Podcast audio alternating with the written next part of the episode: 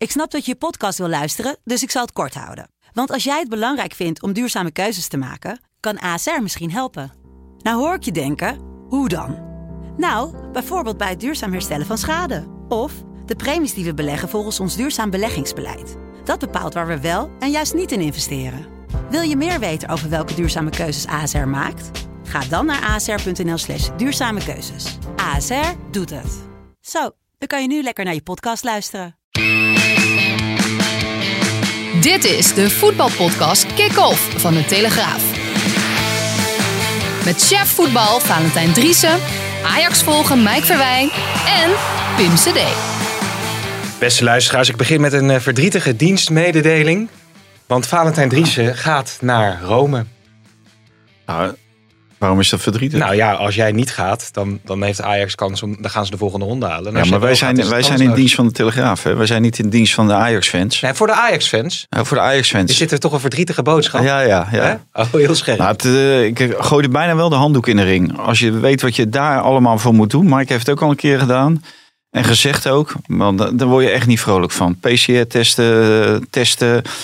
Ehm, je moet allerlei formulieren invullen. En eh, Italiaanse formulieren, Nederlandse formulieren.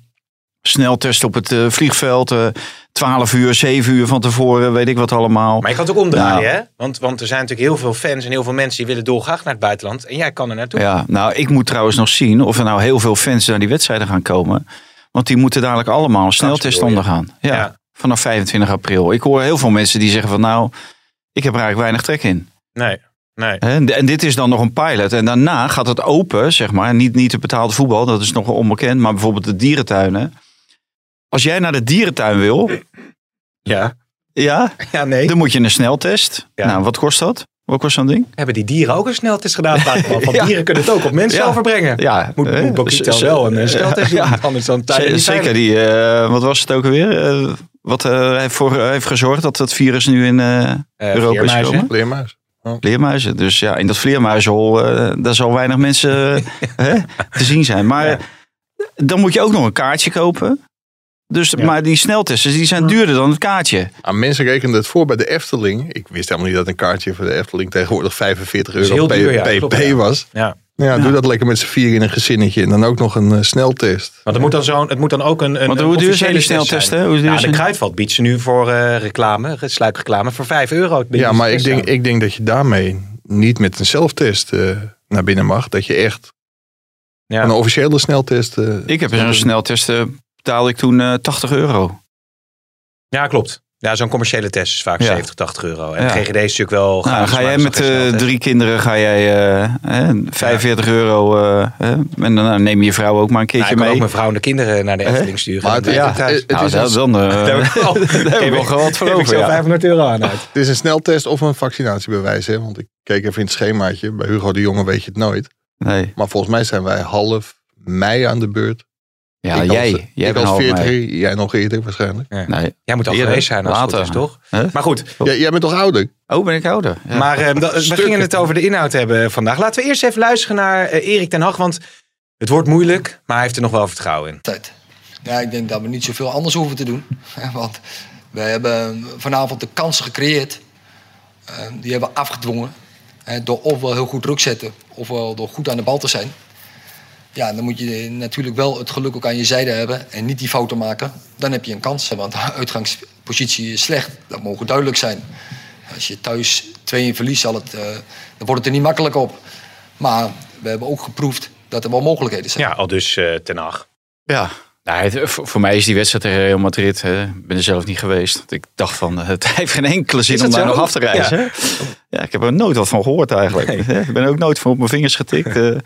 eh. Maar eh, ja, als je dit eh AS Roma zag gisteren, ja, dan word je niet echt eh, warm of koud van. Dan hoef je echt niet zo van onder de indruk te zijn. En Ajax kreeg inderdaad een aantal hele grote kansen. Ja. Alleen punt is, bij Ajax komt niemand terug. En Mike eh, weet wat beter dan ik eh, wie wel en niet op de nominatie staan om eventueel toch nog naar Rome af te reizen. Maar bij AS Roma, daar komen wel vier, drie of vier eh, basisspelers terug. En Maar daar toch even over, hè? Want dan heb- gaat het over, eh, ik kom naar je toe, Mike, maar dan gaat het over Smalling, dan gaat het over eh, Karsdorp, Mkhitaryan. Mkhitaryan. Dat zijn, dat, nou ja, Saniolo. of maar dat, zijn, dat, dat hoeven dat ook niet gewoon spelers te een zijn. Dat Italiaans is- international hoor. Zit er ook nog bij. ja. Maar het is, niet- het, het is in principe nog steeds een ploeg die je ook met die spelers eh, in Rome moet kunnen verslaan, toch? Als Ajax. Ja, het is de nummer 7 van Italië en dat, dat zag je ook wel. Want Ajax, eigenlijk ging alles volgens plan. Kwamen 1-0 voor, wel gelukkig. Omdat Mancini in plaats van vooruit te verdedigen besloot om terug te lopen. En daardoor Klaas in staat stelde om te scoren uiteindelijk. Na een geweldige assist van Tadic. Ja. Ja, en dan krijg je gelijk daarna al een hele grote kans via Anthony op 2-0. Ja. Maak je die, dan, eh, dan wordt het helemaal een feest. Maar ook die penalty. Het is natuurlijk een voetbal-ABC'tje. Schiet je die erin, dan wordt die vrije trap later niet gegeven. Dus alles wat er mis kon, kon gaan tussen de 53ste en 57ste minuut ging ook mis. Ja, dan loop je een keer tegenaan. Tegen Youngboys eh, vloog alles erin. En nu, eh, nu ging het mis. Scherpen, zullen we even kort luisteren? Nee, want hij is, eh, mentaal is die, is die zeer sterk, die lange. Ja, hij is rustig, hij is nuchter. Hij zal liever leren en hij zal liever leren op weg naar de top. Hij heeft ook weer op dit niveau laten zien dat hij heel veel dingen goed doet. Maar het gaat erom, ja, als keeper moet je dus alles goed doen. Of bijna alles. Want ja, één klein foutje heeft hele grote gevolgen. Ja, dat is een consequentie als je keeper bent. Kun je een beetje slapen vanavond, denk je? Nou, dat lukt nooit na een wedstrijd eigenlijk. Maar eh, ja, ik zal wakker liggen, denk ik. Ja. Nou, dat was eerst Ten Hag en daarna Kiel Scherpen zelf. Mike, Ja, vond ze hem nou? Jij, jij had zijn bijnaam. eh, In Italië had hij nu al een Il bijnaam. eh. Baby Gigante. De gigantische baby met, eh, die wel wel goed kon voetballen volgens eh Calcio Media of zo. Maar eh, dus lelijk de fout in ging. Ik vond het wel mooi dat Erik ten Hag zei een klein foutje. Nou, was, was volgens mij wel iets meer dan een klein foutje. Maar die tweede was ook niet helemaal lekker. Nee, Die corner. Nee, dat klopt. Dat zag je ook niet heel goed uit. Geef je ook wel te doen. Als je pas je derde wedstrijd in Ajax 1 keept. Het is volgens mij ook wel een redelijk unicum. Dat hij begon in de beker. Toen speelde hij één wedstrijd in de competitie. En nu in de Europa League. Dus drie wedstrijden gespeeld in drie verschillende competities. Ja, hij is gewoon op dit moment eh, nog niet goed genoeg. En of hij dat ooit gaat worden. Dat is de vraag. Erik ten Hag die hoefde flauw. De scherven bij scherpen niet, niet op te rapen. Want het is een mentaal ijzersterke jongen. Nou ja, dat gaan we tegen RKC en wellicht ook in, in Rome zien. Het is natuurlijk wel sneu, maar je vraagt je ook af. Dit was in een leeg stadion. Wat was er gebeurd als er 50.000 man had gezeten? Op zo'n kolkende avond als, eh, als Ajax in 2017, 2019 heeft gehad. Ja, dan vraag ik me echt af of hij, eh, of hij dan nog niet veel meer en veel, eh, veel grover de fout ingegaan was. Ja, ja maar, maar over, die, over Scherpen. Hij is natuurlijk 21 pas geloof ik. Hartstikke jong. Ehm, hij wordt natuurlijk, eh, ik las volgens mij in onze krant nog eh, Peter Tsjech. Die had gezegd van nou met zijn eh, postuur eh, heeft hij wel iets weg van Van der Sar. speler met een eh, grote toekomst. Ja, die had hem nooit zien keeper, maar Nee, dat, dat, dat was, als dat die, was puur- Hij als was die de media lyrisch in, over eh, Scherpen. In Chelsea. Dan, eh, Maar, maar, maar ja, je, je moet zo'n speler natuurlijk nog niet afschrijven. Maar, maar ja, goed, het, was natuurlijk, het is nog niet overtuigend wat hij bij Ajax laat zien, toch? Bij Jong Ajax gaat het wel beter. Ja, dat wel. Maar ik, ik moet zeggen, ik heb Gomez ook gezien. Zijn eerste wedstrijd, eh, volgens mij was het bij ADO Den Haag uit. En ik heb Onana ook zijn eerste wedstrijden bij Jong Ajax zien keeper. Dus het, het is inderdaad veel te vroeg om hem af te schrijven. Ja, Van der Sar, hè? Van der Sar, die eh, Ja. maakte ook niet zo'n vrolijk debuut. Maar die, die gasten die zorgden in ieder geval dat niet eh, hun ploeg verloren. En nu verliest Ajax. En dit is een kwartfinale van de, ja, van de Europa League. En dan kan je mentaal sterk zijn. Maar ik denk ook kwalitatief. Ik dacht ook dat hij wat verder zou zijn. Want ik zag hem bij Jong Oranje. Maar dat zijn weer leeftijdsgenoten. Zag ik hem wel een bepaalde uitstraling hebben. Ja. Ik denk, nou, er staat wel iemand op, de, op, de, op doel. Maar dat had ik tegen Heerenveen niet. En dat had ik gisteravond ook niet. Nee, je moet ook een beetje geluk hebben als je ziet wat Edson Alvarez doet. Ja, dat is ook ja, zoveel moeite om die bal gewoon normaal aan zijn voet te houden. Ook naar de bal aan het kijken. Terwijl een echte voetballer die kijkt gewoon ver over die bal heen. Ja, en dan zelf een overtreding moeten maken. Ja, daar help je zo'n jonge keeper natuurlijk ook niet mee. Met zo'n vrije trap op de rand 16. Nee, Dus dat is ook een beetje geluk hebben. En ja, dat had hij duidelijk niet. nee, nee. Ja, en je, het zijn ook wel de momenten dat je juist kan onderscheiden als jonge keeper. Wat Mike zegt, eh, drie wedstrijden in drie verschillende competities. Ja, als je het drie keer heel goed doet, dan denken ze bij Ajax ook van... hé, hey, we hebben een nieuwe keeper hebben we binnen. Hè? Ja. Het is alleen zorg om hem eh, nog weer verder te brengen. En eh, meer, meer uren te laten maken. Maar ja, nu ga je toch twijfelen. Van, eh, het is eigenlijk hetzelfde met eh, die, die kleine van RKC. Die, eh, die speelde ook bij Ajax. En, Lamproe. Ja, Lamproe. Iedereen was weg van hem. Technisch een hele goede keeper. Ja, toen kwam hij een keer in en toen ging het, ging het fout. Ja, Heerenveen En- thuis. Ja, en, en kan je je dat veroorloven? Hij was toen tweede keeper. Dit is je derde keeper. Dus het zit allemaal niet En mee nog jonger. natuurlijk. Ook. En, eh, en wat jonger. Iets andere postuur. Iets langer ook. Maar dat zegt niet alles. Als je geen kwaliteit hebt, dan kan je, eh, kan je een, eh, iemand van 2,5 meter in de goal zetten. Maar Lampkoer twee keer op elkaar is nog in twee meter vier. nee.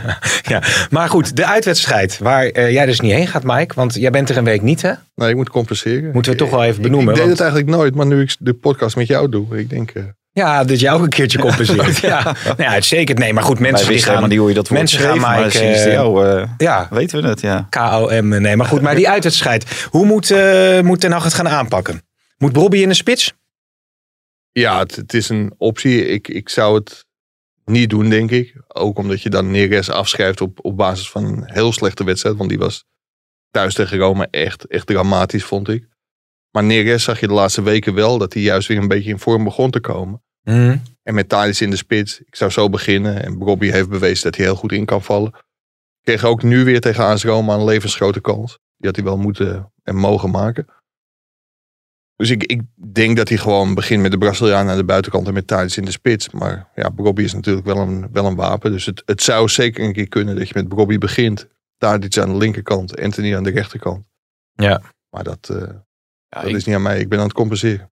Ja. Nee, precies. ik ga wel en ik, ik hoop dat die Bobby wel eh, vanaf het begin eh, laat spelen. Omdat je krijgt anders een precies eenzelfde spelopvatting, eenzelfde wedstrijd als gisteren. Ja. Eh, zij wachten af en, en jij moet komen. En de ruimtes zijn klein en die Brazilianen, ja, op dit moment, eh, die hebben het gewoon niet. Hè. Anthony ook niet. Die hebben natuurlijk een geweldig eerste half jaar gehad. Maar eh, die is daarna toch wel lelijk ver teruggevallen.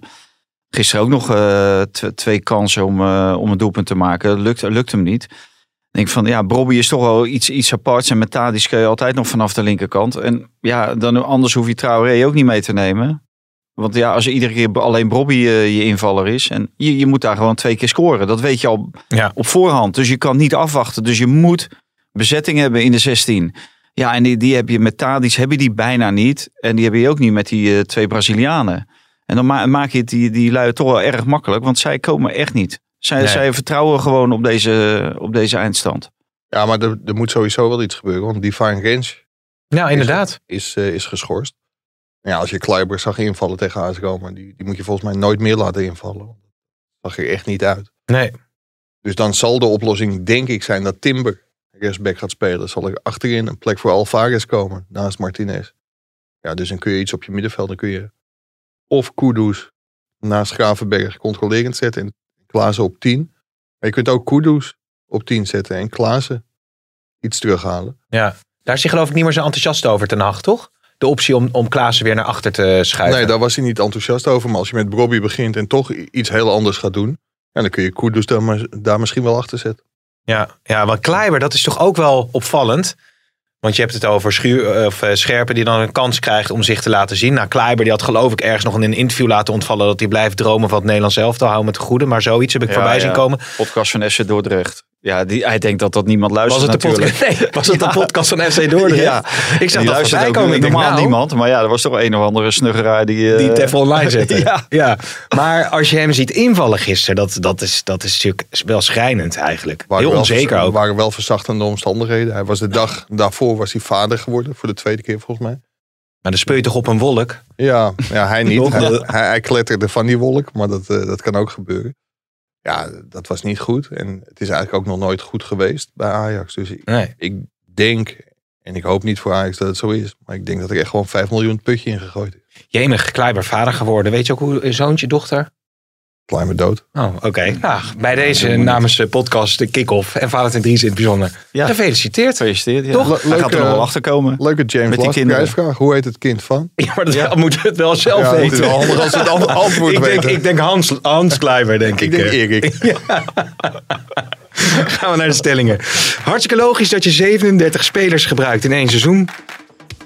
Eh, Hè? Wat was nou? Nee, 37. Ja, nee. ja, wat Eens was of oneens? Wat Hartstikke oh, logisch. Eens of oneens was het. Eh, oneens. Eh, oneens. Over het algemeen ben ik fan van Duitse trainers. Eens. Oneens. Van Ginkel blijkt dus toch een goede aanwinst voor PSV. Oneens. Eens. Feyenoord gaat met een miljoeneninjectie en een nieuw stadion een bedreiging vormen voor Ajax. Oneens. Oneens. Barcelona wordt kampioen van Spanje. Eens. Eens. Oh, en misschien zit tijdens het EK de Johan Cruijff Arena gewoon vol met supporters. Oneens. Eens. Oké, nou, leuk dat jullie er eh, allemaal verschillend eh, over eh, denken. Ja, die, ik dacht me eigenlijk van die Duitse trainers. Eigenlijk ben ik helemaal niet zo voor die Duitse trainers. Nee, maar daar kunnen dat we het wel, nou, geloof ik. Hè? Ja, dat is zeker, want daar, daar wil ik het namelijk met jou even over doorpakken. Want er kwam best wel wat kritiek van, zelfs op mijn Twitter-account, naar aanleiding van jouw, eh, jouw column. Eh, beste PMCD, is er niemand bij de Telegraaf die Valentijn waarschuwt als hij weer eens iets doms opschrijft? Duitse trainers, PSV en KNVB maken Ziyech en Iataren kapot. Eh, wat een walgelijke vent. Nou ja, goed, is misschien een beetje... is, die Valentijn, is die Valentijn Driessen opruien, geen kennis hebben van zaken, hij roept maar wat. Maar dat waren eh, om te kotsen. Zum kotsen. Zum kotsen. Kotsen. Nou, ik, ik probeer het wel altijd hoor, om hem tegen te houden, maar het lukt niet. Ja, maar, maar dat, dat, dat li- ligt, lag toch heel gevoelig bij de PSV-aanhang. Ja, bij Dat je, PSV-fans ligt, al- ligt dat je alles zo gevoelig. uitsprak. Ja, ja. Ja. natuurlijk. Ja. Maar eh, kijk, die PSV-fans kunnen zich beter druk maken over wat Roger Smit met eh, al hun talenten doet. Mhm. Eh, want Iataren is nu niet de enige meer. Nu is het ook nog Noni Madueke. ja. De, de meest rendementsvolle speler van PSV eh, dit seizoen. Ja, die krijgt nu ook nog maar eh 10, 15 minuutjes iedere wedstrijd. Waarom die iedere keer op de bank wordt gehouden, is natuurlijk ook een raadsel. Ja, die jaag je zo eh, naar Engeland. En eh Ja. Mo Iataren, die jaag je in ieder geval Eindho- Eindhoven uit. En eh, qua Nederlands elftal misschien wel richting Marokko. Ja, ik, ik vind dat allemaal zaken die, die best wel aan de orde gesteld mogen worden. En dan roept iedereen van, ja, grote onzin wat hij allemaal riep. En de- voor die camera, die, die jongen is 19. Ja. Ik heb thuis ook een 19-jarige. Nou, die, die hou je echt niet in de gaten of in, de, in de hand. Die zeggen gewoon hele domme dingen af en toe. ja, Ja, ja. Ja. maar met jouw wijsheid op jouw leeftijd Ja. eh, zeg je geen domme dingen meer nee, natuurlijk. en dan kan ik, Maar- ik kan hem vaak wel Eh, overtuigen. Dan schrijf je het gewoon op. Ja, ja, en niemand die hem tegen kan houden. Ook dat nog. Maar ik zat erover na te denken over die column. En hij speelt dan dat 4-2-2-2. Big Dick, hè? Maar het maakt feitelijk toch niet uit eh, welk systeem je speelt. Want de beste spelers, die spelen wel. Kijk, en Zahavi, daar kan je van zeggen... ja, dat is een speler uit China. Maar die scoort eh 6, 7 goals na de winterstop. Gakbo, die schrijven jullie oranje in. Nou, dan heb je al, al, al- stel nou dat je 4-3-3 speelt, hè? Dan heb je al twee posities heb je bezet. Nou, dan heb je dus heb je ook nog Gutsen over. Dan heb je nog Madueke over. Dan heb je nog Iataren over. Dan heb je nog Thomas over. Dan heb je Van Ginkel over. Dus het is ook gewoon een overbezetting op die posities. Maar Hein, kunnen we heel even terug? Want ik hoorde Pim net zeggen, het maakt niet uit in welk systeem je speelt. hoor. Maar het maakt feitelijk toch niet uit eh, welk systeem je speelt. Want de beste spelers die spelen wel. Ja, nou ja, goed. In die zin dat in welk systeem je dan ook speelt, moet Iataren zelf die, eh, die basisplaats eh, afdwingen. En maar wat is dan zijn sterkste positie in het Big Dick systeem? Nou ja, dan zou hij, ja, of je hem nou, eh, wat is het, 4-2-2-2. Dus dan zou hij achter de twee eh, spitsen kunnen spelen. Bijvoorbeeld. Op een van de twee posities. Ja, dat, nou, dat zou Ja, dan, als, daar als hij komt zo goed is. dan- Niet, daar komt hij bijna niet tot. zijn eh, kwaliteiten komen daar niet eh, tot uiting. En zijn kwaliteiten komen heel goed tot uiting van de rechterkant. En eh, iedereen heeft het over uh, Donny Malen. Geweldig dit en dat. Die heb je ook nog inderdaad. Maar die heeft helemaal niet zo'n goed seizoen. Maar die komt ook het liefst vanuit links. Dus eh, je, hebt een pure spits. Zahavi. En dan heb je iemand voor de rechterkant en iemand voor de linkerkant. Ja. Kakpo kan ook vanaf de linkerkant. En waarom spelen die gasten niet? Waar, waarom eh, is daar Ja. geen ruimte voor? En dat, dat is omdat hij eh, vasthoudt aan dat systeem. En dat heb ik in die column ook gezet. Kijk je naar onze grote andere Duitse vriend. Thomas Letch. Bij, bij Vitesse. Eh, die kijkt naar wat, wat voor kwaliteit heb ik. Met welke spelers win ik het makkelijkste wedstrijden? Nou, dat is met Tanane en met Bazoer. Dus hij zorgt ervoor dat die in hun kracht komen te Ja. spelen. En ik denk dat je bij PSV met een toptalent als Iataren... dat je daar meer wedstrijden mee wint op het moment dat je hem in zijn kracht laat spelen... en dan dat je dat Big Dick systeem eh Nee, maar hanteert. sorry dat ik er nog even over doorga. Maar als je dan, stel je speelt 4-3-3 en zegt Zahavi is mijn spits, hè? En Malen die komt er van Ja, links. en dan komt Gakpo, eh, en, maar dan komt Malen of. Gakpo van de, van de zijkant. De- het is gewoon over, best wel eh, overbezet, toch? Die aanvallende Ja, maar dat is alles bij PSV is alles eh, overbezet. En dat is ook goed dat je ook kan, kan wisselen en dergelijke. En dat je genoeg mensen achter de hand hebt.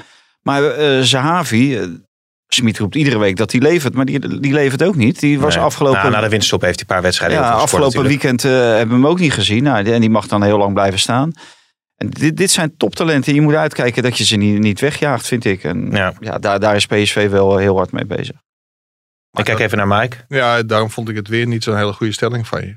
Oh jee, alweer niet. Nee, ja, goede Duitse trainer. Dit, bestaan ze of niet. Nou ja, nee, omdat Tuchel er natuurlijk Ja. ook van langs kreeg in die column. Ik ben over het algemeen fan van Duitse trainers. Nou Maar ja, ik bedoel, wat, wat is Jij een- bent wel fan van Duitse nee, dat is de trainers. stelling. Ik hoef er Oh. geen antwoord op te Maar geven. wat is een Duitse trainer? Fanta zei ook wel terecht. Letch doet het heel anders. En volgens mij is dat gewoon een, een voetbaltrainerwijsheid. Het is een moeilijke stelling.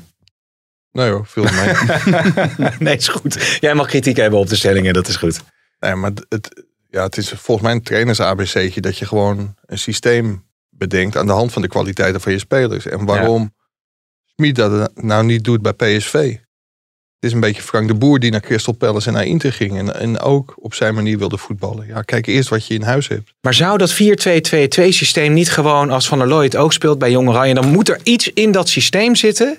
Ik speel even advocaat van de duivel. hè? Ja, ja, daar word ik Maar- zo maar- heel moe van. maar zit er niet iets in dat systeem waardoor, waardoor het een heel goed systeem is of zo? Nou ja, van daarom staan ze geloof ik eh 12 punten achter op Ajax. Ja, Dus ja, ja dan komt er joh. de grote fit uit. en we van gaan het de- zien ja, met Jong. Oranje tegen Frankrijk. Ja, exact. Nou ja, goed. Laten we dan even Schmid eh, horen eh, wat hij zei over Van Ginkel, want die begint er steeds fitter te raken. use also the, the match time to show his quality and that he is a good football player. Everybody knows you know better than me because you saw him also when he when he won titles here for PSV Eindhoven and he has a big big career and um, also from his personality uh, he's he's one who, who can who can lead a uh, lead a team who can take influence also tactical wise and also to organize the, the team in total so that's why I want to give him some match time to develop ja. Weet, je, weet je waar ze nou het hard staan te klappen? Bij Chelsea. Ja, Die krijgen dadelijk een hele fitte Van Ginkel. En dan mag hij bij, bij eh, zijn landgenoot Tuchel eh, mag hij het daar eh, laten zien.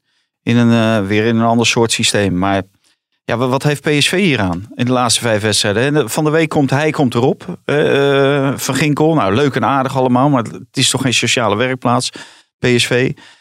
En dan denk ik van wa- waarom moet Madueke en eh Iatare moeten op de bank blijven zitten? Terwijl dat je, je, je toekomst is, je geld is. En dan eh, een gehuurde speler van Chelsea, die krijgt de voorkeur. Ja, schiet mij maar lek. Maar volgens mij eh, schiet je daar weinig mee op als club. ja. Het is wel ontzettend leuk voor eh, Marco van Ginkel. Een van de meest correcte, aardige jongens die er tussen loopt. Ook heel belangrijk geweest voor PSV in het ene kampioensjaar.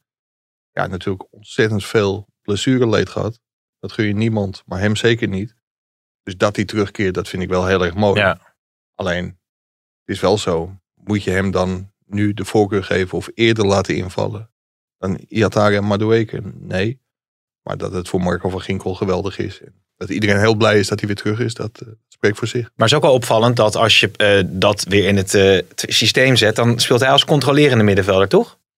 Ja. Eventueel. Ja. Maar daar heb je dus Van Ginkel. Boskagli, die doet het nu heel goed op die positie. Was het de, de Ja. Daily Blind van PSV? Terwijl je, terwijl je ook Sangaré hebt gehaald.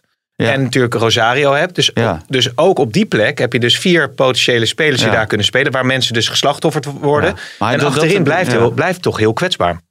Maar, de, maar dat, dat is ook niet zo erg, hè? Dat je meer spelers voor bepaalde posities hebt. Dat heeft Nee. heeft bijna iedere club, zeker iedere topclub, omdat je heel veel wedstrijden speelt. Alleen nu gaat het PSV natuurlijk wel een beetje opbreken, omdat ze maar één wedstrijd in de week hebben. En er zijn geloof ik nog zes wedstrijden te gaan. Ja.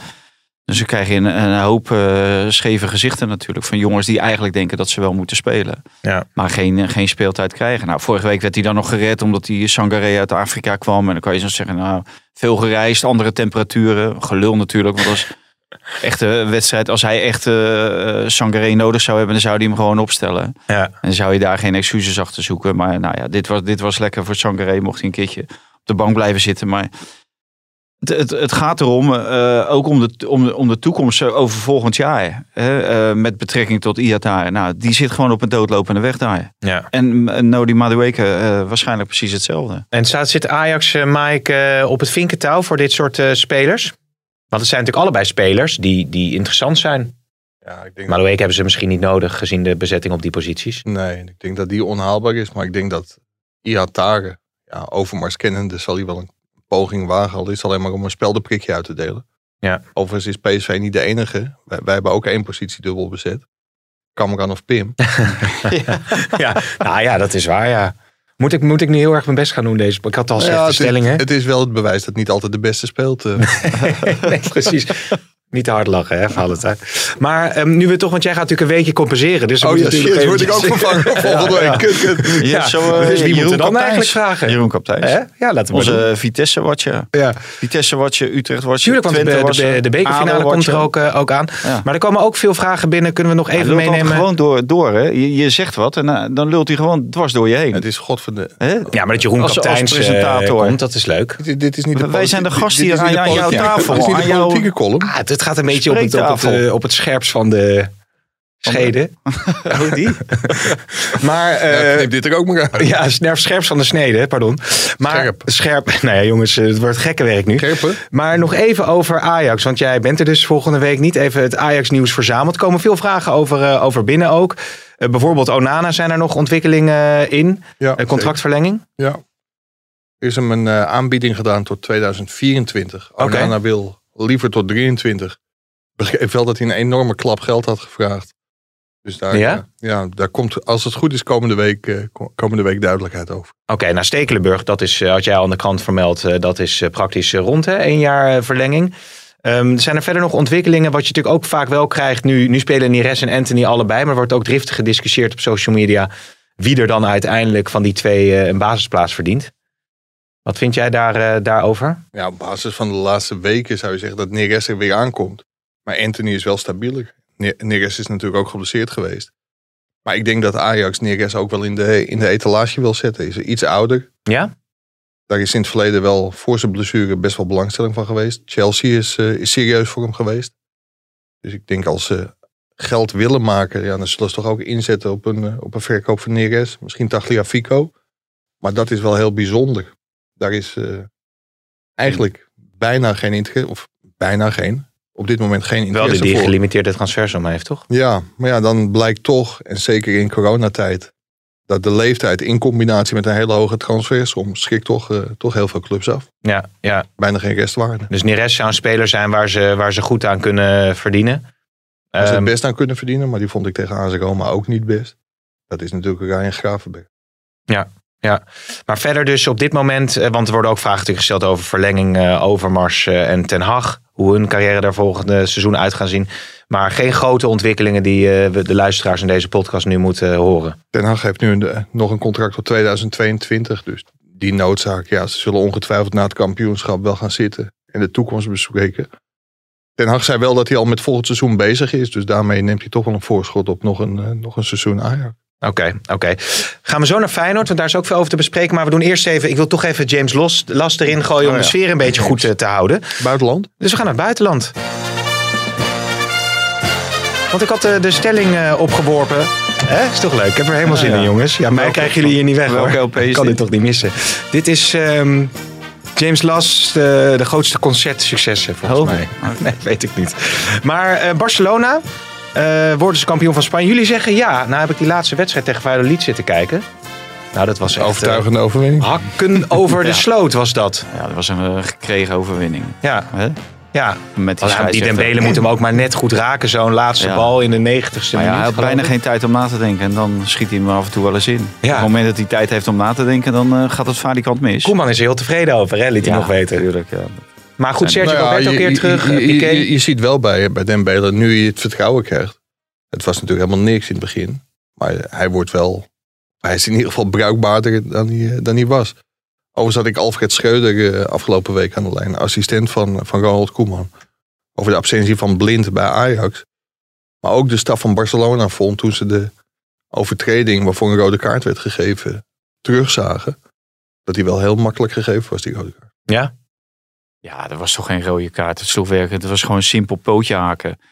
Kijk, als iemand nou een doodschop verkoopt, dan vind ik, eh, oké, dan is rood eh, terecht. Maar die gozer die, die viel raar. En, die, en toen viel die eigenlijk tegen een andere speler van Valladolid. En die raakte hem volgens mij op zijn arm of zo. Hm. En dat deed eh, het meeste pijn. Want hij zou best pijn gehad hebben. Maar die scheidsrechter die vloog erin. En even daarvoor eh, hadden ze eigenlijk een penalty moeten hebben. Met eh, die hensbal van Jordi Alba. Ja. Dus, maar, maar dit zijn wel die wedstrijden op het moment dat je ze op zo'n manier uit het vuur sleept. En je zag ook de blijdschap en de ontlading.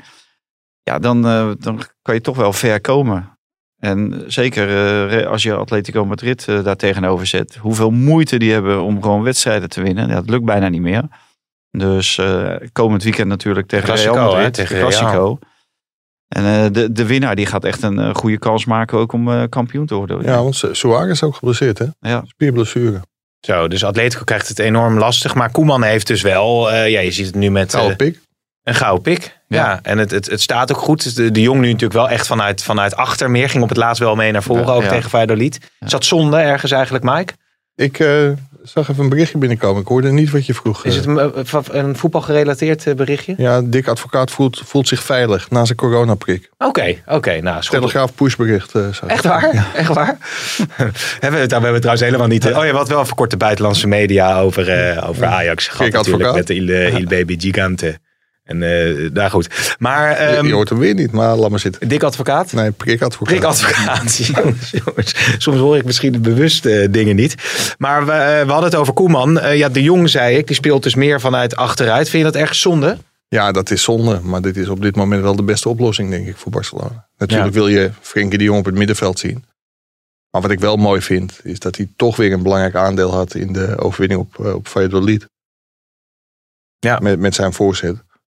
Dus eh, hij, eh, hij wordt erg belangrijk voor Barcelona. Daar is niet iedereen het over eens. Maar ik, eh, Nee, maar hij mag toch wel wat belangrijker worden. Wat Nou ja, meer zijn als- stempel drukken. Als hij vanuit achteruit speelt, nemen kan je niet verwachten dat hij dat die beslissende doelpunten gaat maken. Nee, natuurlijk. maar Tony Kroos die speelt ook niet van vooruit. hè. en eh, die zie ik van de week tegen Liverpool. Ja, die geeft een paar ballen. En dat zie ik de jong nou bijna nooit doen. Het, het is allemaal kort en zo. Maar ook eens een keertje die lange bal eh, laten zien. Want volgens mij heeft hij die best. Ja. En dan kan, hij kan echt wel meer. We mogen echt de lat wel wat hoger leggen. En ik vind het ook jammer dat hij achterin speelt. Want eh, bij het Nederlands elftal moet hij ook op het middenveld spelen. En daar zie ik hem ook gewoon veel liever. Echt als vormgever van je elftal. Ja. op, op termijn misschien wel een hele goede trainer. Tony Kroos, Duitse trainer. Ja. Ja, ben je daar fan van over het van algemeen Tony, trouwens? Van Tony Kroos ben ik echt een grote fan. Ja? Ja, van dat soort spelers hou ik echt, ja. Maar Frenkie de ook- Jong, ik hou ook erg van Frenkie de Jong. Van de, maar, maar die heeft toch Maar gewoon een slechte reeks. Ook met Nederlands elftal was het ook niet, Ja. eh, niet overtuigend. Dus Nee. die zit er gewoon niet zo lekker in op dit moment. Lijkt wel. Terwijl nu toch de beslissende wedstrijden eraan Ja, komen. als ik de Spaanse media lees. Ja. Wat zeggen die? Wat zeggen die? Lyrisch. Lyrisch over. Frenkie de Jong. Bizar, geweldig. hebben we weer lekker veel premium abonnementjes op eh, verkocht in ieder geval. Overigens ook nog wel aardig om even te bespreken. maar Want wat er is, Koeman natuurlijk wel... eh, Ja? kijk, je, je ziet wel dat hij weer allerlei jonge spelers... Hè, die, die trainers willen natuurlijk Ja. graag kopen, kopen, kopen. En Koeman die zat bij Feyenoord... en toen werd hij gedwongen vanwege de slechte financiële situatie... om heel veel jonge jongens eh, erop te zetten. En dat heeft hij uitstekend gedaan. Dat was gewoon de, de backbone van het Nederlands elftal op eh, het WK 2014. De backbone. Met Louis van Gaal. Ja, we zitten op buitenlands voetbal. Ja, ben- ja, nee, wat, is, wat is backbone in Duitsland? Backbone, eh, Achter. Eh, achter. Ja. Ach, nee, goed. Nee, ja. nee. Sorry, Nee, dit gaat nergens over. Maar Nee, we zijn buiten het. We gaan, we gaan straks weer naar het eh, Nederlands. Maar dat- dat moet hij nu weer opnieuw doen. En ik la- las net eh, dat eh, de paai moet genoegen nemen. En Garcia ook met de helft van de aanbieding die ze vorig jaar kregen van, van Barcelona. En als ze dat niet doen, nou ja, dan maar niet. Maar je bl- blijkt toch dat je eh, ook met eigen talent een heel eind kan komen. En waarschijnlijk veel verder op termijn dan, eh, dan met, met het maar blijven kopen, kopen, kopen. Als jij nou in de schoenen van Depay stond, voor de helft van het salaris dat je vorig jaar is geboden, je wilt toch een keer voor Barcelona gespeeld hebben als je die kans krijgt, toch niet? Ja. Wat zou jij doen? Ik- Ja, tuurlijk doe je dat, toch? Nou ja, dat hangt eraf van... en hij speelt eh, zich ook nog in de basis. Ja, of Haaland, daar wil ik het over hebben. Of Haaland en Mbappé naar eh, Barcelona gaan. Ja, of, of dat eh, misschien eh, Real Madrid ook klaar staat om je op te halen. Maar dan heb je toch over een heel ander... Ja, precies. Real Madrid of Barcelona, dan moet je kiezen tussen eh, vol salaris bij Real of een half salaris bij Barcelona. Ja, ik zag hem in de documentaire van Koeman voorbij komen als een van de sprekende mensen. En vol lof over, over Ronald Koeman. En nu kan hij bewijzen wat die vriendschapsband eh, waard is. Als je nu kijkt naar Barcelona, Blijven zou er voor de paai best plek zijn om, om, om zich in de basis te spelen. Als je ziet dat die Breathwaite en zo er allemaal Ja. nog in moeten komen. Maar eh Haaland en Mbappé die zijn ook natuurlijk circuleren dat die naar Barcelona of Real Madrid gaan eventueel.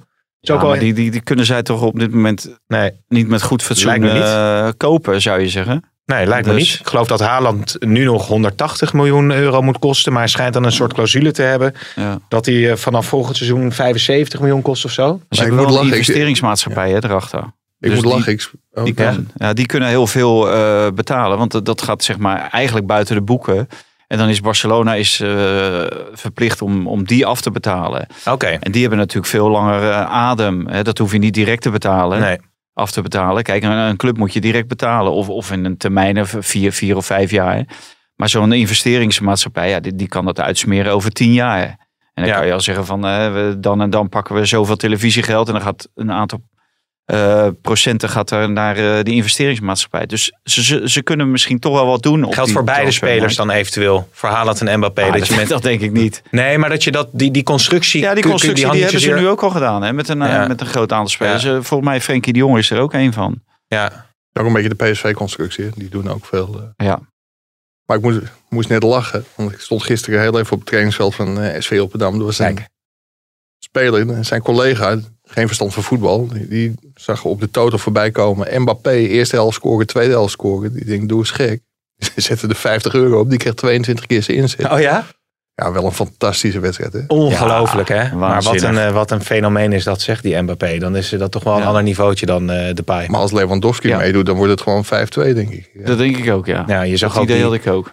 Stuurde vriend, het wordt nu wel heel, heel eh, t- hoe zeg je, triviaal, maar een vriend van, we speelden vroeger altijd Championship Manager. Misschien leuk voor sommige luisteraars. Dan, kun je, dan speel je tegen elkaar op de computer. En dan houdt het houdt dan de statistieken bij van hoeveel kans je dan hebt. En ik geloof dat eh, eh, hij zei, dit is zo'n wedstrijd waarin als jij Bayern München coacht, dan zet je de computer uit. Doe je Ctrl-Alt-Delete, wil je hem opnieuw spelen. Want ik geloof dat, Bars, dat eh, Bayern 25, Ja, 26 schoten had. En eh Paris Saint-Germain had er 6 ja die of 5. cijfers waren waanzinnig. Ja. Dat is echt ik ongelooflijk. voorgelezen. Maar dat was gisteren. Ik, ik heb helemaal niks met die expected goals. Sterker nog, word er een beetje gallisch van als je dat voorbij ziet komen. Maar bij Ajax was het zo. Ajax, AS Roma. Ajax had expected goals 3,2. Ja. AS Roma 0,7. Ja. En dat verschil Ja, van... dan zie je ook gelijk, Mike. Het gaat helemaal nergens Het over. gaat nergens over al die data en al die, eh, die onzin. Dit is, gewoon, eh, dit is gewoon het bewijs. Ja, Ik wil dadelijk even papier hebben, dan kan ik dat overal roepen. het velletje van Valentijn. Maar Ja. die, is, die, eh, die Volgens- slaan we even vol- over, want je hebt geen Volgens mij eh, aantekeningen we bij. vanavond geen Veronica Inside te kijken. Want ik denk, ik denk dat het voorbij Hij komt. heeft- heeft expected zoveel, goals. Zoveel input heeft hij gekregen. Goals, ja. Willen we nog iets in het buitenland benoemen, want anders gaan we naar Feyenoord. Nee, voor mij niet. Nou, het, Ja, viel natuurlijk tegen. De Nederlandse inbreng in de, in de hele Champions League gebeuren. Hè? Die, Mitchell Bakker, nou, die, die was toch blij dat die wedstrijd was afgelopen. Hè? Want die, die, die liep echt zwaar achter de feiten Ja. aan. Wijnaldum was aanvoerder, kon eh, Liverpool ook geen eh, boost geven. Ziyech zat, eh, die zie, zie ik dan even als Nederlander. Die zat gewoon 90 minuten op de bank. Terwijl Ja. hij vijf wissels doorvoerde, die Tuchel. Dus nee, je werd er niet echt vrolijk van. Is wel eens, is wel eens anders eh, geweest. Ehm Donny van der Beek. Zijn vijf 40ste, minuutjes hè, zijn gespeeld. 40ste keer op de bank dit seizoen bij hem. Ja, dat Manchester United. is Ja, toch wordt, wel heel pijnlijk. wordt een pijnlijk, pijnlijk verhaal. Maar toch, Toch gaat hij naar het EK. Ja, Ja, als je een goede relatie met Frank de Boer hebt, dan ga je gewoon naar het EK. ja, En je moet bij Ajax met hem gespeeld hebben of, of bij Ajax vandaan komen en je gaat gewoon naar het EK. Nou ja, ja, dat, Niet? ja. Nou ja, dat weet ik niet. Dat zeg je nu Nou. heel stellig. ja, daar lijkt het natuurlijk wel op. De- Voor de een gelden, gelden andere regels dan voor de ander. En voor wie geldt, ja, dan kom je op Weghorst bijvoorbeeld. Nou ja, bijvoorbeeld ja. Hmm. Maar ja, het, het is ook niet zo gek dat een coach gewoon mensen om zich heen verzamelt waar hij heel veel vertrouwen in heeft. En kennelijk heeft hij heel veel vertrouwen in Donny van der Beek. Hij scoorde ook afgelopen interlandperiode. 6-0. Ja, ja. Walter. Laten we het over Feyenoord hebben, jongens. Nederlands elftal komt eh, ongetwijfeld nog heel veel eh, aan, eh, aan bod. Want daar zijn, komen veel vragen over binnen over, eh, over Feyenoord. Hoe zit het nou met die miljoenen injectie? Nou, we kunnen eerst eventjes Til en Svensson erbij halen. Worden die nou gehaald, ja of de nee? Ehm Valentijn, Til is helemaal geen zekerheidje. Svensson misschien. Nou, Til- weet Mike eh, meer van. En Sv- Svensson, eh, wat ik ervan begreep, eh, wil AZ niet dat hij daarheen gaat. Maar uiteindelijk bepaalt Svensson dat zelf, omdat hij natuurlijk een, Ja. eh, een aflopend contract heeft. En de kans is best aanwezig dat hij eh, misschien wel voor, voor Feyenoord kiest. Zal ook afhangen van de aanbieding en of er nog meer clubs interesse in hem hebben. Wat dat betreft is het voor Feyenoord ongunstig dat hij inmiddels een basisspeler is in het Noorse elftal. Til is wel een zekerheid, joh. Dat hij niet komt. Ja, die, die komt niet. Tenminste, eh Freiburg heeft hem voor twee jaar eh, gehuurd van Spartak Moskou. Nou is Mhm. het wel zo dat als hij niet aan een bepaald aantal wedstrijden komt, dan kan Spartak Moskou hem terughalen. En dan zullen ze hem opnieuw in de etalage zetten. Overigens is nog niet duidelijk wie volgend jaar de trainer is bij Spartak. Dus misschien krijgt hij daar wel een nieuwe kans. En anders dan wordt hij opnieuw verhuurd. Maar de huursom was op dit moment 1,7 miljoen euro. En dat lijkt me voor Feyenoord gewoon veel en veel te veel geld. Omdat je dan huurt. En dan kan hij een hele grote bijdrage in het seizoen hebben. Maar na het seizoen zwaait hij. Nog twee keer misschien. En dan is hij weer weg. Dus dat, Ja. ja. dat levert een club uiteindelijk niks op. Maar ze zijn natuurlijk wel bezig met die eh, investering. Investeerders, eh, dat kan hoeveel miljoen opleveren als dat allemaal eh, 130 doorgaat? miljoen 130 hebben ze miljoen. Dan zou je misschien zo'n eh, huursom wel kunnen betalen. Ja, Ja, het, is, koop erbij. het is wel duidelijk dat Arne Slot ongeveer iedereen aan het afbellen is die in zijn telefoontje heeft staan. Ja, dit zijn natuurlijk wel hele interessante spelers voor Feyenoord. Die kunnen Feyenoord ook beter maken. Hoewel Guus Til natuurlijk het laatste jaar bijna niet gevoetbald heeft. Maar dat Arne Slot heel naastig op zoek is naar nieuwe spelers. Dat geeft ook wel iets aan over de huidige staat van dit Feyenoord. Ja, en, en die huidige staat, daar heeft Arnees ook een rol eh, in gespeeld. Dat zei al in de video hè, over Ja. de aankopen die hij binnen heeft eh, gehaald bij, eh, bij Feyenoord. Ja, dat, dat is een keur aan mislukkeling. Heeft hij, heeft hij eh, Hmm. opgehaald. En als je heel weinig te besteden hebt, dan, dan hoop je dat een eh, technisch directeur dat die geld voor je maakt.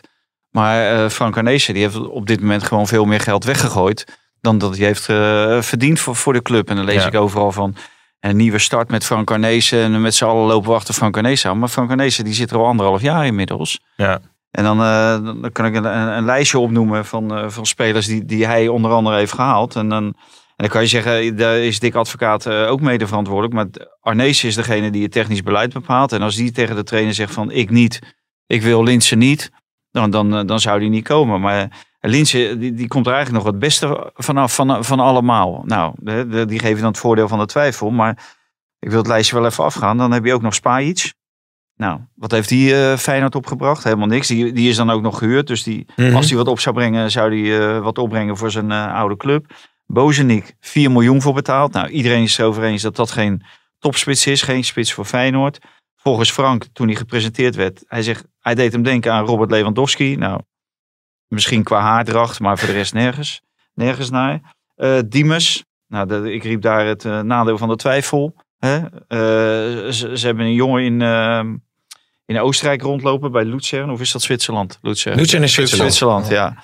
En Jordi Weerman, nou, die, kan, die net zo goed daar op die plaats spelen als Diemers. Conte, anderhalf miljoen betaald. Nog bijna geen minuten gemaakt. Is altijd geblesseerd. Was in Duitsland altijd al geblesseerd. Hebben ze Texera, de Portugees, lang geblesseerd geweest. Maar ook geen jongen waarvan je denkt, nou, die gaat eh, de hoofdsom eh, eh, opleveren. Of de hoofdprijs opleveren. Prato, 6 ton, 5 ton gehuurd. Nou, heb je niks aan. Dan Antonucci. Hè, die is via een, een constructie met Volendam en Monaco bij Feyenoord terechtgekomen. Die speelt nu bij Volendam. Nou, Slot is er niet van overtuigd. Nou, ik, ik ben er ook niet van overtuigd. Het is een, een aardige voetballer, maar wel een beetje een, een mooi weervoetballer. Hmm. Eh, kom- komt of, eh, oorspronkelijk bij Ajax vandaan. Nou, dan eh, noem ik al een heel, heel rijtje. Maar hij is ook bezig geweest voor het onder 21 team. Dan heeft hij twee Nooren en een Portugees eh, opgehaald.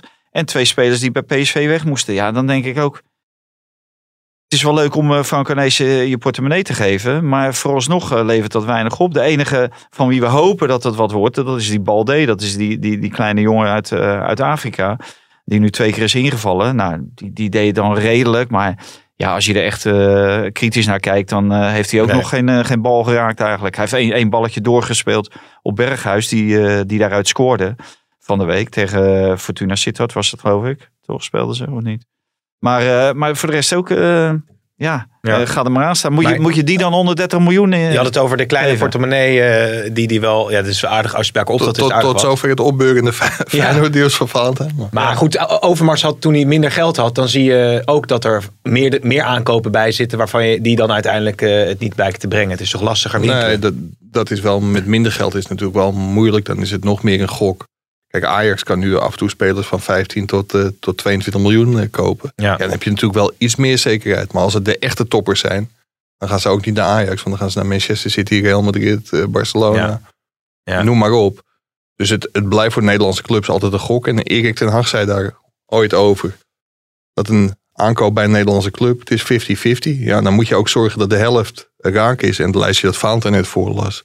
Volgens mij is Kom je dat niet op de helft. Niet, niet, Een eh, snelle, snelle statistische rekensom. Valentijn zit nu te rekenen. 10, 11, 12, 13, 14. Eén Zeg maar, één 14 met geslaagd. die twee PSV'ers erbij. Nou, dan heb je één, één, eh, iemand, eh, nou, die geeft het voordeel van de 7%. twijfel. Linsen. Ja. Nou, dat is dus een beetje een, magere score. Ja. Hoe, hoe ver staan ze eigenlijk met die inv- investeerders? Nieuw stadion. Ik sprak eh, collega Mars van der Kraan natuurlijk Feyenoord volgt. Die zegt van nou, dat, dat gaat echt snel gebeuren, dat nieuwe stadion.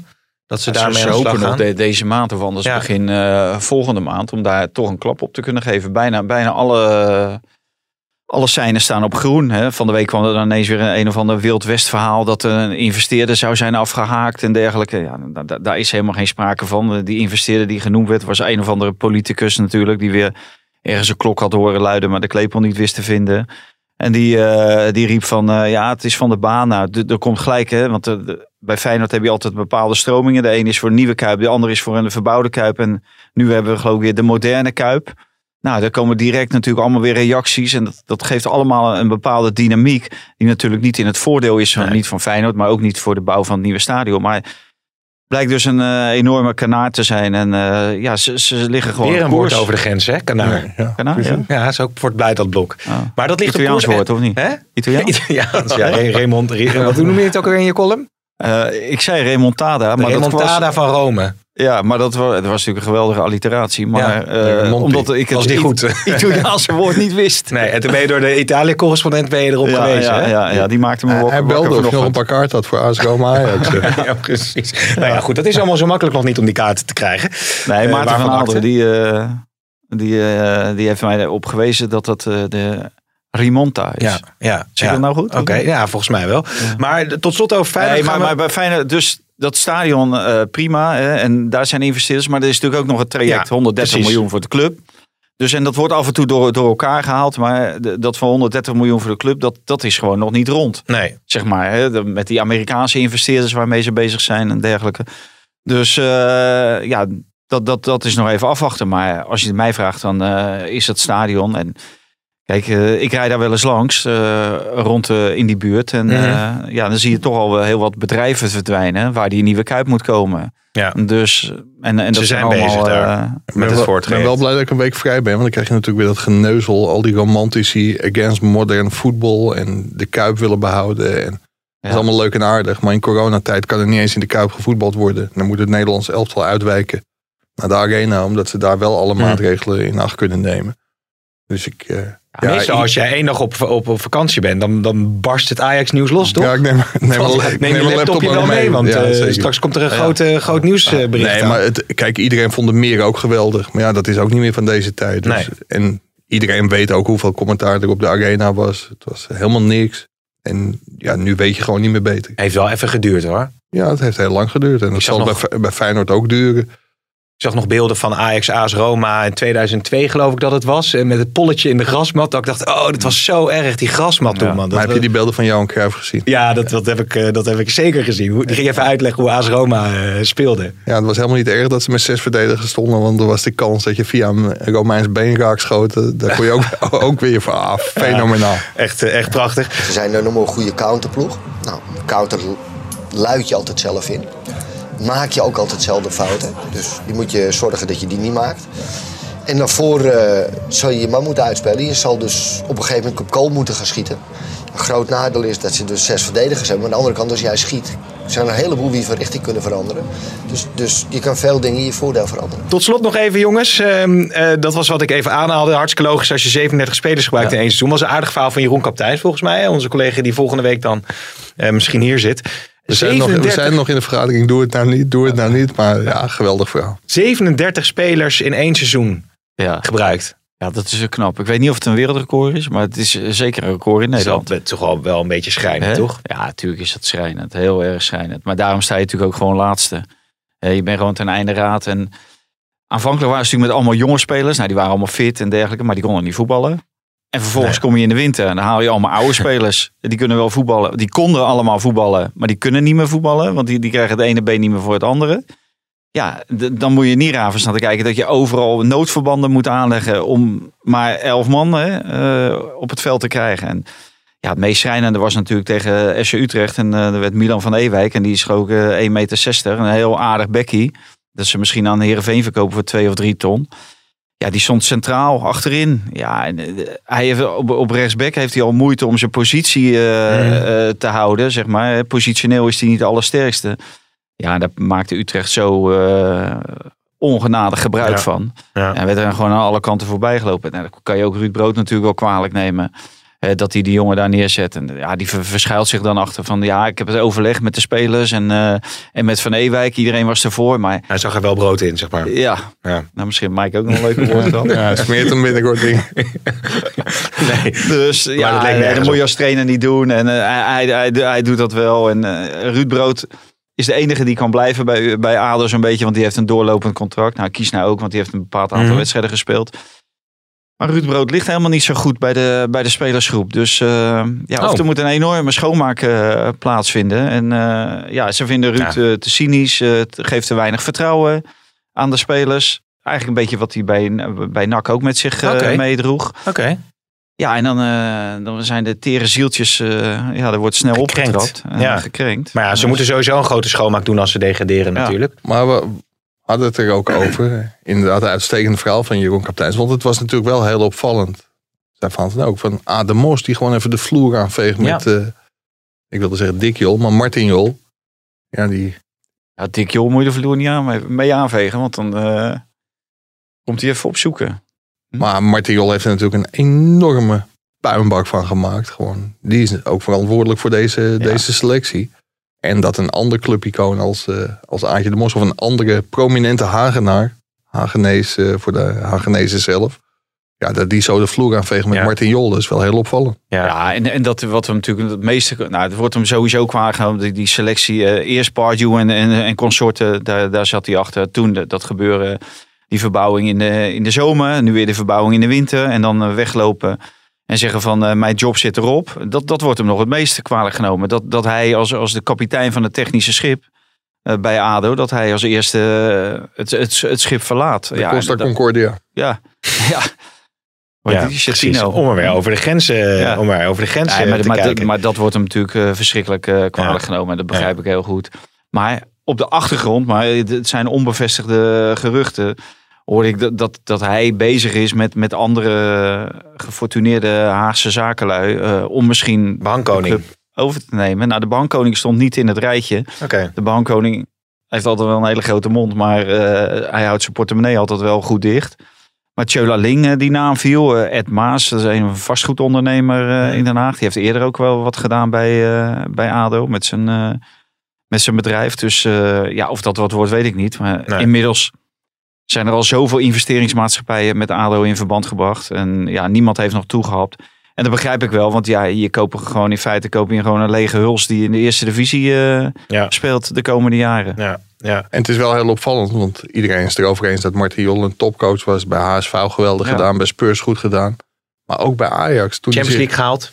Ja, precies. Volgens mij nog een keer de halve finale van de Europa League. Zat hij er toen? Of, eh? Ja, met eh HSV.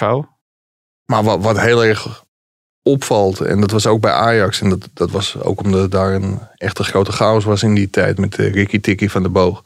Dat hij eh, ja, in, in die tijd zich ook met het aankoopbeleid bemoeide. Nou Ja, ik kan het rijtje nog een keer, maar dat zou deel 23 in deze podcast zijn. Dus dat doe ik niet. Maar als je weet welke spelers daar zijn binnengekomen. Ja. Ja, daar moet hij zich gewoon niet bij Nou, misschien dat we daar nog, want we gaan nu echt naar een afronding eh, toe. eh, dat we daar nog een prijsvraagje van kunnen maken. Is dat leuk? Welke speler werd aangetrokken met de initialen TT? Ik weet het. Maar ik, ik, ik, ik ja, dat, eh, weet jij het? TT? TT. Ja, niet, Niet- T- niet- niet, niet, TT. niet nee, TT. niet TT. Nee, niet TT. Maar de initialen is één van de Ja. aankopen. Ja, ja. Naast, eh, nou, dan ga ik ze toch weer noemen. Ik doe het niet. Nee, we, doen, we zeggen niks, we zeggen niks. De goede, het goede antwoord kan worden gestuurd naar eh, onze Twitter-accounts, naar podcast.telegraaf.nl. En dan Moet kunnen wij er nog... wel bij zitten dat hij Fins was? Of eh, is dat... Nee, dat moet je dus niet zeggen dan. Nou, knip dat er dan Ja, maar uit. knippen we er niet uit, want dat is misschien een tipje. Hè? Leuk. En dan wil ik graag nog eh, Boerhan eh, Kaneshka feliciteren. Want die zei eh, dat eh, Marcel Groninger eh, die ene interland als bondscoach van Jong Oranje heeft geleid. En dat was dus de wedstrijd tegen Wit-Rusland. En die werd met 7 0-7 gewonnen. Nou, dat moet de buurman van Gefeliciteerd, je Marcel krijgt een gesigneerd exemplaar van een mooie LP van James Last. Huh? Ja, Dat moet zijn buurman zijn, want voor de rest weet niemand dat, toch? Nee, nee, precies. Dat weet ja. heel Nederland niet. Zou het zou kunnen. Moeten we nog, willen jullie nog iets kwijt of gaan we naar een afronding toe? Ja, ik krijg net de uitnodiging voor de voorbeschouwende persconferentie van de Toto KNVB bekerfinale. Die Maar dat ben je dus niet. stuur ik nu even door naar Faant en hier. Ja. Ja, Lekker, nou veel ja. plezier op, eh, Rome. op, je, op je weekje Oh, eruit. Curaçao. Oh, oh, nee. Nee, Nou, toch niet, Ik hè? ben blij dat ik niet gegaan ben. Nee. Ik zou 29 maart naar Curaçao gaan. Maar ja, we hebben natuurlijk een enorme voorbeeld. Nee, dat is niet waar. Maar het was niet verstandig en we mochten niet van het kabinet. Nee. En als ik wel gegaan was, dan had ik twee dagen later eh, terug kunnen keren. Dus nu ga je veel mooie wandelingen maken in de polders bij Ilpendam. In Ilpendam, ja. Oké. Jij, Valentijn, nog iets kwijt? Nee, nou, ik vind het heel erg knap wat Dick Lukien eh, toch Ja. eh, neerzet bij Oh, eh, Ja. Emmen. Ja, dat is knap. En ik, ik had zo opgegeven, maar ze hebben, die hebben zich wel goed versterkt. En, en ook... eh, Rust bewaard. Ja, de figuur Dick Lukien, eh, ja, lijkt me een uitstekende trainer als je ook weer zoveel spelers erbij krijgt. En je, en je, je, je weet die ploeg toch weer eh, te remonteren. Of, eh, of remonteren, wat is het? Eh, Nou, ik zit even te kijken. hè. Emmen RKC 3-1, Feyenoord Emmen 1-1, Groningen Emmen 1-1, Emmen Sparta 1-1, Utrecht Emmen 0-1, Emmen PEC 3-2. Wat een reeks, hè? Gewoon acht- acht wedstrijden ongeslagen dit weekend? 2, 3, 4, 5, 6 wedstrijden ongeslagen. En dan tegen Fortuna dit weekend. Ja. En dan komend weekend thuis tegen Heracles. Dus Ja. dat zouden zo Nou nog ja, maar... als Maar de laatste, de is tegen VVV, hè? Ja, Ja, ja, dus VVV als je uit. die dynamiek van dat elftal eh, afzet tegen de dynamiek bij ADO en VVV, Ja. dan eh, denk ik dat ze het nog gaan redden. En ja, ik, ik zou het hem van harte gunnen. Nou, mooie laatste woorden van Valentijn. Eh, Dank voor het luisteren. En eh, ja, tot de volgende week. En, en Mike, ja, heel veel plezier. Met We gaan je compenseren. missen met compenseren.